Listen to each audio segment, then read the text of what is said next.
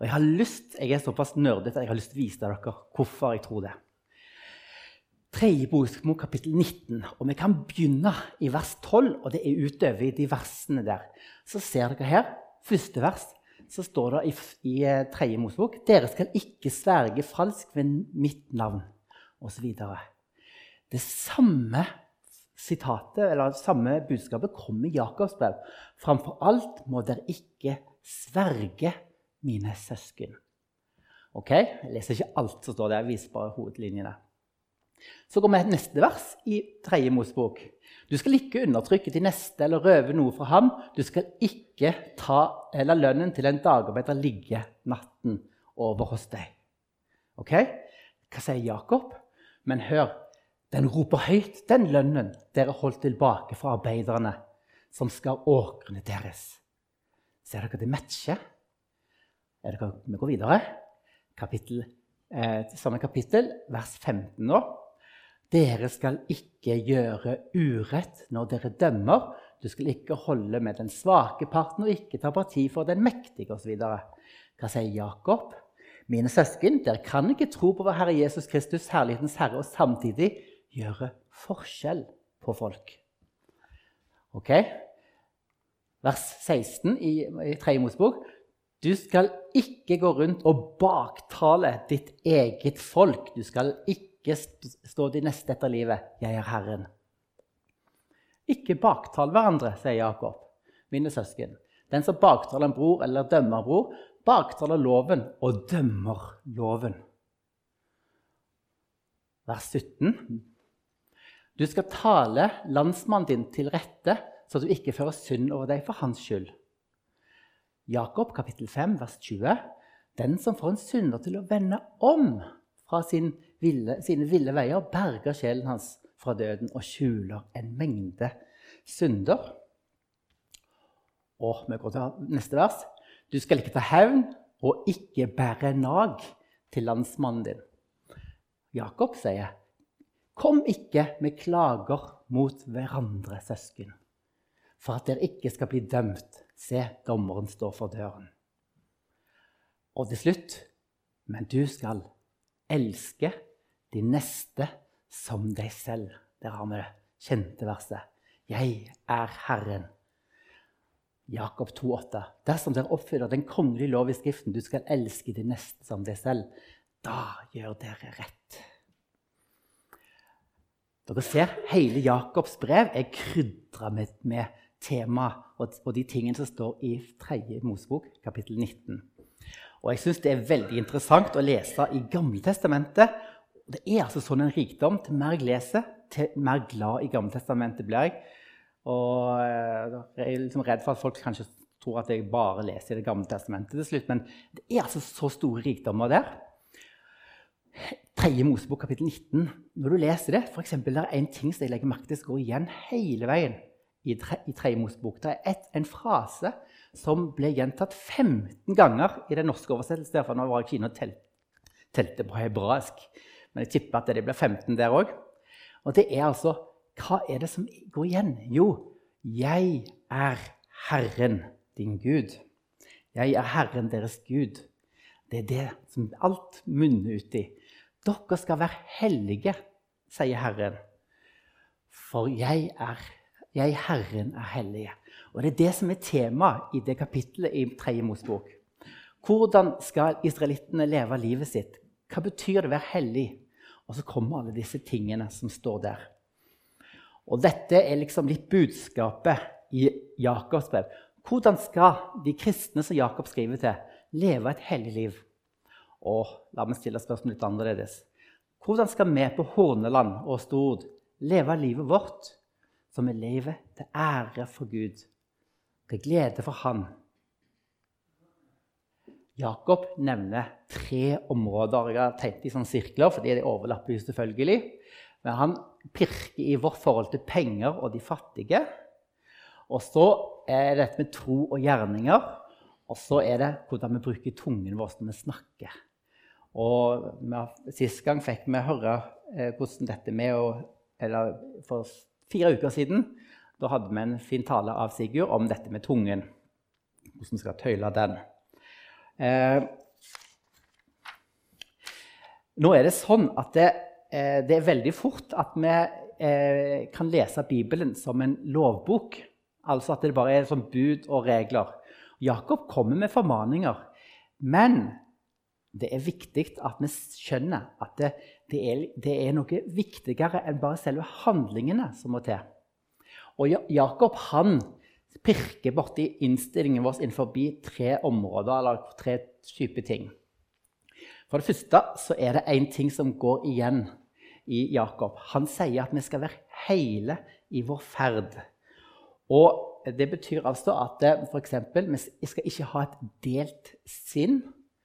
Eh, for det er altså det som står på venstre side, er liksom den dumme tingen. Å ha delt sinn. Motstykket er å ikke tvile. Hva betyr det ikke tvile? Det, det, har vi sagt to ganger i denne stedet. Jeg tror, det, jeg tror at det er greit å si det enda en gang til. Å tvile, Når det står i Jakobs brev at dere ikke skal tvile, så betyr det ikke at du ikke skal ha, være ærlig med deg sjøl, med de tankene du har, og de spørsmålene du har ved troen din, som du strever med. Altså den tvilen som vi mennesker kan få til tider. Det er ikke det tvilen handler om. Den tvilen Jakob skriver om, er den tvilen der du vurderer valgene dine, noen muligheter du har. Og Sigurd ga et veldig fint bilde på det. Eh, F.eks. hvis du ble forelska i to personer, så ville du liksom holde mulighetene åpne. Du ville ikke ta et valg, så du liksom tvilte litt. Og så holdt du liksom valgene sånn, hva de sier på engelsk, options open. Valgene åpne. Og ser ikke så kult ut. Så liksom, du, du, prøver liksom å, å få, ha begge, men det går jo ikke. Og sånn er det òg. Du kan ikke være venn med verden og samtidig være venn med Gud. Du må velge. Så det er tvilende. De tvilende det er de som prøver å være begge deler. Men det går ikke Jakob med på. Så er det et veldig mye som går igjen her. Det er dette med stolthet versus det å være ydmyk. Og det er liksom hovedgreia. De stolte det er de som klarer seg sjøl. Det er de som vil bestemme sjøl over sitt liv. Mens de ydmyke det er de som er ydmyke for Herren, og, er ydmyk, og på den måten også vil være ydmyke for andre. Og så snakker Jakob òg om visdom. og Da er det snakk om jordisk visdom, altså den visdom som er i verden, eller visdommen ovenfra, som Gud gir oss. Ok. Eh, så det handler ikke bare om hva vi ikke skal gjøre, og hva vi skal gjøre, men det handler om hva er det som motiverer oss. Hva er det som styrer oss? Og da er det denne visdommen. Og hva skrev Jakob i kapittel 1, vers 17? Det er et vers vi kan godt minne oss om. All god gave og all fullkommen gave kommer ovenfra, for Han som er himmellysenes far. Hos ham er det ingen forandring eller skiftende skygger. Av sin egen vilje har Han født oss ved sannhetens ord for at vi skal være en førstegrøde av dem Han har skapt. Vi er født på ny pga. nåden. Det må være utgangspunktet. Du kan ikke bruke Jakobs brev som 'skjerp deg, bli en bedre kristen'. Det er ikke det som er budskapet. Nei, dere har fått denne gaven. Du som tror på Jesus, er blitt født på ny, har fått det nye livet. Budskapet er da 'lev dette livet'. Ikke tro at det er noe bra å leve det livet som verden verdsetter. Stolthet, de som er ærefulle, eh, penger eh, osv. Nei, det handler om en ydmyk stilling framfor Gud. For han har født oss på ny pga. det Jesus gjorde på korset. Jakobs brev er full av evangeliet, selv om noen av og til føler kanskje at, den, at det er litt hardt å lese. Men du må ikke glemme at Jakob òg kommer hele veien tilbake til evangeliet. Så Jeg kan ikke gå gjennom alt i detalj, men var dette var det Sigurd skulle tatt. Nei eh, og nå dere som sier 'i dag' eller 'i morgen', drar vi til den eller den byen og blir der et år, driver handel og tjener penger og så vet du ikke engang hvordan livet deres blir i morgen. Dere er jo bare en røyk, synlig en kort stund og, og så borte. Dere skulle heller si om Herren vil, for vi lever og kan gjøre det ene eller det andre. Men dere skryter og bruker store ord. Alt slikt skryt er av det onde. Den som vet hva godt han burde gjøre, men ikke gjør det, han synder.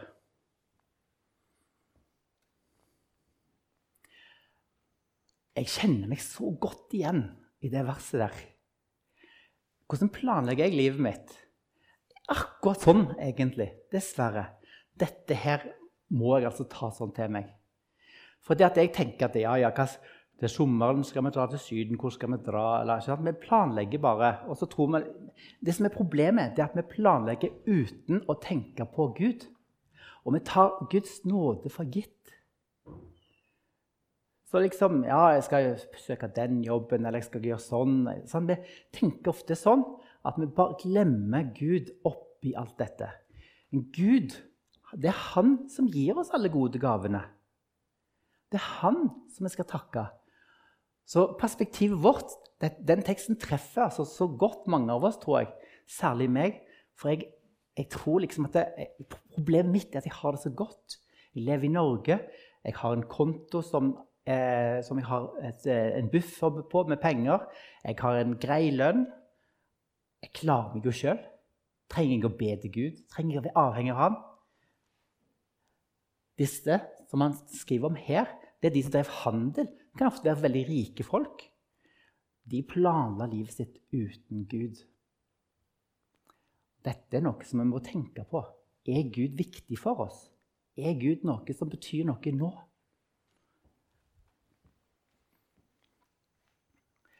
så syns jeg det er så utrolig verst å alltid gå tilbake til dette. Men nåden han gir, er større. For Vi føler ofte at vi feiler. Men poenget er at i det øyeblikket du sitter og tenker åh, jeg får det jo ikke til, jeg skulle ønske Å, Gud, jeg feiler igjen. Den som sier sånn, har jo allerede vist den rette innstillingen. For da ydmyker du deg for Gud og innser at du er ikke helt der du skulle ønske. Jakobs brev er ikke skrevet for at vi skal være perfekte og alltid få det til. Jakobs brev er skrevet for at vi skal strebe etter å leve til ære for Gud. Men vi vet at vi feiler på så mange måter. Derfor er dette verset så veldig fint. Men nåden han gir, er større. Den er større enn alle våre måter å feile på. Og Hadde det ikke vært for dette, så hadde jeg syntes Jakobs brev var helt grusom å lese. Men Jakob er ikke grusom å lese. For all god gave kommer ovenfra. Nåden er større. Gud står de stolte imot, men de ydmyke gir han nåde. Dette er liksom bak, bak, bakteppet.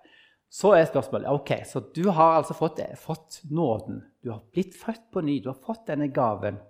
Og du har disse her formaningene. Hva nå? Hva, hva nå, da? Hvordan skal du leve? Hva, hva gjør vi nå? Husk på situasjonen til de første kristne som fikk dette brevet. De var spredt rundt omkring. Noen av dem hadde det virkelig ille. Noen, de var fattige. Hva gjør de nå? Det var forfølgelser som kom sånn, sånn spredt omkring. Hva med de? Og da kommer teksten fra kapittel 7. Og jeg hopper glatt over de første versene, for vi har ikke tid til å gå innom alt. Vær da tålmodige, begynner han. Når dere leser sånne vers, vil jeg at dere tenker er det noen ting som dere bør legge merke til når dere leser sånne tekster. Eh, når du leser Bibelen, så er det ofte sånn at eh, forfatterne de kan være at de repeterer noen ord for å få oss til å være bevisst på noe. Så hva ord er det som går igjen her? Vær da tålmodige søsken til Herren kommer. En bonde må vente på den dyrebare grøden fra jorden og vær tålmodig til både høstregn og vårregn, vårregn har falt. Også dere må være tålmodige og gjøre hjertene sterke, for Herren kommer snart. Dere ser vel hva ord som går igjen her. og det er faktisk, Hvis jeg leser litt, litt videre, så, går, så, får vi det en gang til, pluss to andre ord som er relevant. Det er selvfølgelig tålmodigheten. Tålmodighet, langmodighet. Det å også, ha ha, ha tålmodighet. Er kjempeviktig her. Så det betyr altså Der er forfølgelser, der er press, fattigdom eh, osv. Hva gjør du? Så Det kunne jo være veldig, veldig, veldig fort at du bare tar, henne, tar saken i egne hender og, og gir motstand igjen, eller du eh, begynner å klage din nød og, og blir sur og misunnelig på andre. Men budskapet er 'vær da tålmodig'. Vær da tålmodig. Vær da tålmodig, søsken, til Herren kommer. Har dere forventning til at Herren kommer? Så når jeg ble kristen eh, for 20, 20, Hvor lenge er det siden nå, da? Jeg er, nå er jeg fem ja, mm, mm, For mange år siden. Så, eh, så husker jeg at det, eh, da gikk vi litt i Bergen i en menighet der. Og der var det en del som forkynte Jesu gjenkomst og var, hadde en forventning til dette. Så merker jeg at det går liksom litt i bølger og daler hvordan vi, hvordan vi tenker om dette. Jeg husker En kamerat av meg han sa han gleda seg til Herren kommer, men han skulle gifte seg, så han bare kunne vente til etter bryllupsnatten. um, så det er sånn. Men uh, forventningen til at Jesus skal komme eh, jeg tror det, det, Til bedre vi har det, til mindre forventer man. Tror dere det er rett? Vi har det jo så godt, så vi klarer oss fint. Men hvis det røyner på det å ha, ha Jesu gjenkomst for øye. Han kommer en dag og skal gjøre allting vel igjen. Tenk på det. En dag skal vi stå der foran ham og se ham som han er. Og så er det sånn da at For Herren kommer snart. Det er jo litt sånn, Mange tenker Jakob ja, ja, han visste ikke bedre. Nå er det jo gått over er sånn, ca. 2000 år siden dette ble skrevet. Så, så Jakob han bomma på det. der da. Men når det gjelder måten å lese dette på, så har jeg lært at det, du må lese det topologisk. Oi, oi, oi. Er det noen som vet hva topologi er? Nå skal ikke jeg holde på med en matematikkforelesning for dere, men det, det er matematikken topologi dukker opp. Eh, men topologi det handler om å studere former uten å se på avstander. Du bare ser på formene som former. Ok, Jeg skal ikke plage dere med dette for mye. Men jeg skal heller fortelle dere en historie som illustrerer hvordan en topologisk tenkning kan gjøre at vi får problemer. Som illustrerer akkurat dette med Jesus komme. For Jesus han kom til jorden, levde livet rettferdig, ga sitt liv for oss. Og så ble det Kristi himmelfartsdag og pinse. Og hva er det neste vi venter på? Det neste er jo Jesu gjenkomst, er det ikke det? Det er det vi venter på, håper jeg. Jeg var i London et år. Og så i London, de som, er, det noen som har vært i London? Ja, har dere tatt sånn tube? Dette er tube i London. Når jeg har vært så mye i Oslo, så jeg, når jeg er i London, sier jeg ja, skal vi gå og ta T-banen. Det er jo litt rart, da. For det er noe annet. Det er i Oslo hva de kaller den for det, tror jeg. Men uansett, London Tube det er sånn undergrunn. ikke sant? Og, og, når du skal ta den, så har de sånne, har dere sett de har sånn kart med sånne stasjoner på. Med sånne, en grønn linje sånn, og uh, Piccadilly Circle Line sånn. Ja. Og det som var greia, at Vi var en gjeng som skulle på en konferanse. Og det var på en plass litt forbi London. Og Da tok vi sånn Piccadilly Line. Den gikk sånn forbi der. Og Da så vi at det, det var liksom en stasjon der, og så var det en stasjon der, og vi skulle være liksom litt sånn opp, litt opp forbi. Så eh, Google ville ha oss til å stoppe på den stasjonen. som jeg søkte. Det var den rette stasjonen. Men vi tenkte at det, de to stasjonene sto sånn på det kartet. altså det vi skulle være, var der. Og vi tenkte det måtte være like fint å gå av på den, den stasjonen og så bare gå opp til, fra der. Men da kommer poenget at det, disse kartene de bare forteller hva neste er. De forteller ikke hvor langt det er mellom dem. Så nei da, Fra den stasjonen vi skulle gå av på, var det 500 meter. Fra den stasjonen vi gikk av på, var det 2,5 km. Men på kartet så det ut som det var rett ved sida av. Og det er litt sånn Neste stasjon er Jesu gjenkomst. Og det kan være så lang tid eller så lang tid. Det kartet har vi ikke. Ingen vet når han kommer. Men neste stasjon er Jesu gjenkomst. Er ikke det fint? Han kommer igjen. Men det ser ut som det dryger. Men vær du sikker, selv om det er ikke er 500 meter, men 2,5 km, hvem vet, så kommer han til slutt. Ok.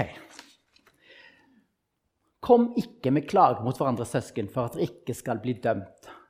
Allerede vist hvordan dette matcher. Det står i, i, i tredje Mosebok. Husker dere hva sto der? Der sto det at du skal ikke bære nag til landsmennene dine.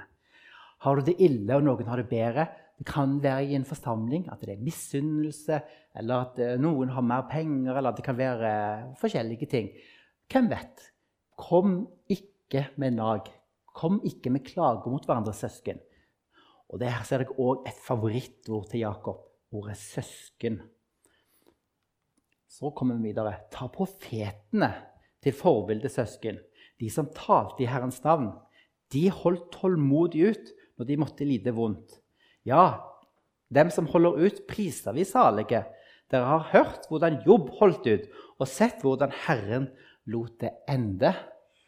Ja, Her ser dere igjen at det går, går lett med tålmodighet, og det å holde ut er et viktig tema her hos Jakob. Vær tålmodige, både i, vent, i, i, i den tiden vi venter, men òg med hverandre. Og hold ut. Hold ut. Her ser vi at Jakob bruker profetene som et forbilde for oss. Er det et annet bok i Bibelen der, det, som profeten blir brukt som forbilde for oss? Er det noen som kjenner en? Du kjenner en bok? Det må jo vel være Hebreerbrevet, er det ikke det? Kapittel 11. Der er troen til de som har gått foran oss. Vi har en sånn stor sky av vitner. Profetene de var altså et slags eh, forbilder. Og dette var ikke helt uvanlig å gjøre i mellomtestamentlig tid. Eh, hvis noen som kjenner til makabeerbøkene, så blir, i andre makabeerbok så blir òg sånne tidligere hellige profeter og brukt som eksempler til forbilder for oss. Se på de profetene, hvordan de holdt ut. De tålte alt ondt. Jeremia, f.eks. Hvordan endte det med Jeria, tro? Er det noen som vet? Ja, det er muligens, Ikke helt sikker, men eh, muligens han ble sagt i to. er det i hvert fall noen som mener. Så han holdt ut, for å si det sånn. Jeg tror han venter på Herrens dag. liksom, Nå må du skynde deg. eh, så eh, ble det snakk om jobb her. Jobbs bok eh, er jo en veldig spennende bok å lese. Eh, men er, jeg må innrømme at av og til når du leser den, så, er det spennende, men det litt, tar litt tid å lese den. da. Men det er en kjempegod bok å lese, men du må lese og prøve å få med helheten. Og Jobb han ble jo plagt virkelig. Han hadde det ille. Men Jobb, han holdt ut. Hva var det som var så fint med Jobb? Synes dere at eh, Når dere leser dialogene med Job og disse såkalte vennene hans, så, ser jo, så, så av og til så, tenker jeg tenker jeg når, Første gang jeg leste, tenker jeg at de vennene hans det var de som hadde rett. Job har feil. Sant? Fordi at uh, ingen mennesker er ferdig, sier de. Og du, Job, du har synda, så du må, du må vende om. Så alle mennesker har jo synda, så det må jo være rett. Men det de gjorde, sa, var jo at du, du har fått alle disse plagene pga. at du har synda. Det var jo feil. I disse tingene hadde ikke Jobb gjort noe ekstraordinært. Men det som er så fint med Jobb, det er at han ble ordentlig plagt. Altså Her snakker vi om buller og dødsfall i familien, og det er fattigdom. Han ligger der med verkende sår. Men hele veien så holdt han fast på én ting. Og det var at han, han stolte på Gud, og han var rettferdig i den måten at han, han, når han levde livet sitt, så gjorde han alt det tingene som vi leste fra i tredje Mosebok. Han stjal ikke fra andre. Han velsigna de, han baktalte ingen. Han gjorde de, han er et veldig godt forbilde oss i den forstand. Og når alt kom til alt, så gir Gud Jobb rett. Men Jobb han også klagde til Gud, og han også skulle ønske at han ikke var født.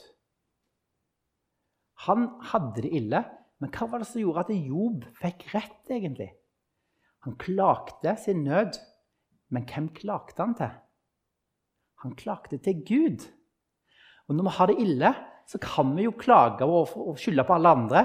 Men Job han vendte seg til Gud i bønn. Og det er det som er forbildet til Job. Og, her, eh, og vi kan lese i slutten hvordan Herren lot denne for, og her er det veldig fint, fint vers, for Herren er rik på medlidenhet og barmhjertighet. Og det er et ord som går veldig mye igjen i Gammeltestamentet. Barmhjertighet. Det hebraiske ordet er chesed. og det er, I salmen er det hele veien. Det betyr Guds miskunnhet mot oss. Guds godhet mot oss. Og Det er så fint å lese i Gammeltestamentet. Noen, det, noen klager på at i Gammeltestamentet der har vi sånn, sånn dommens gud og bibel, lov, sånn litt lovisk og streng gud. Og så i Nytestamentet får vi liksom den stille guden. Ja, de har, jeg tror ikke han har lest hele Gammeltestamentet. altså. vi finner en nådig Gud i Gammeltestamentet. Rik på miskunn og barmhjertighet, står det. Ok. Framfor alt må dere ikke sverge, les videre, mine søsken, verken ved himmelen eller ved jorden eller ved noe annet. La et ja være et ja og et nei være et nei, og ikke, så ikke dommen skal ramme dere. Dette verset der har gjort at en del sånne miljøer i sånn anabaptistmiljøer de nekter å sverge det hele tatt. sånn at De får litt problemer i sånn amerikansk rettssak. Da må de sverge ved Bibelen. når de sitter. Så liksom, De skal ikke sverge. Jeg tror de har en løsning på det. Da, men eh, kanskje ikke det er det den teksten handler om. Men det er jo et sitat fra, fra Tredje Mosebok, men det er òg et sitat fra Jesus i bergpreken. og det er nesten ord, ord for ord det er samme Jesus da. Og poenget med det, det Jesus sier, at vi ikke skal sverge, handler om at det skal ikke bli nødvendig at vi sverger. For det at du skal alltid tale sant. La et ja være et ja, ikke noe mer av det. Et nei et nei. Jeg trenger ikke sverge for deg. For hvis jeg må sverge, så betyr det at ellers kan det være at, ikke, at det ikke er sant. Men du skal ikke sverge fordi at du skal alltid tale sant. Men noen ganger så ber vi, blir vi bedt om å sverge, og da er det greit. Så er poenget nå Er det sånn at vi bare skal være som stoikerne og eh, se all motstand vi får, eh, og så skal vi ta alt med store skro og bare tålmodig la ulykken ramme oss? Eller, sant? Er det sånn det er? Og det svarer selvfølgelig nei. Det er ikke sånn at kristne skal være stoikere som skal bare akseptere at alt er elendig. Vi skal jobbe for at alle har det bra. Og da kommer vi over til det neste temaet, som, eh, som, eh, og det siste. Og det handler, og her må jeg bare innrømme at her sliter jeg sjøl litt. Fordi at eh, vi har så lyst til å ordne opp i ting sjøl. Men det, det, som Jakob går over på, er bønn. Og da er det sånn at han sier er, som, er det noen blant dere som lider? For det, det, det, det, var det tydeligvis. Da skal han be. Er noen glade til sinns, da skal han synge lovsanger. Det gjelder ikke meg, for hvis jeg synger lovsanger, så slutter folk å gå her. tror jeg. Men det, på, oppe på kontoret mitt kan jeg gjøre det. Er noen blant dere syke? Han skal kalle til seg menighetens eldste og de skal be over ham og salve ham med olje i Herrens navn. Ser dere? Ikke, vi skal ikke ha innstillingen til de som, driver, de som leser om som bare vil drive handel og gjøre det og det, uten at Gud var et viktig element i livene. Det handler om at vi er avhengig av Gud. Derfor ber vi ham. Be til Gud. Ja eh, tror jeg går videre. Da skal troens bønn redde den syke, og Herren skal reise han opp. Har han gjort synder, skal han få dem tilgitt. Dette er jo veldig skumle vers i, sånn, i sånn bedehussammenheng. Troens bønn. Er det sånn at bare vi tror nok, da skjer det? Ja, Det er nok en mislesning av teksten. Men troen må være til stede. Vi tror jo på Gud, og vi venner oss til Han.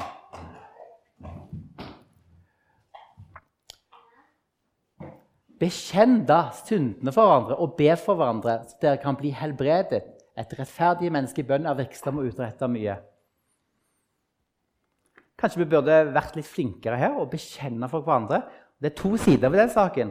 For det ene, ene er hvis du har gjort noe gale mot en annen, så bekjenn og, og ordne opp. Men en annen ting er at vi kan godt bruke hverandre til å bekjenne synder som vi har gjort, for at vi skal måte, det å kunne bekjenne til andre er, kan være forløsende for oss. Og dette er faktisk den eneste plassen der det står at vi skal bekjenne for hverandre i Bibelen. Så går vi til han her, karen her, Elia. Det var vel en Elias her, var det ikke det?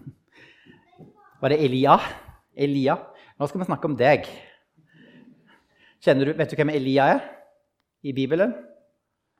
Elia blir brukt som et eksempel her på bønn. Og Der står det at Elia var et menneske under samme kår som vi. Ja, særlig. Ja, som, de, Så Jakob skrev det kanskje, ikke så oss, for vi har det så godt.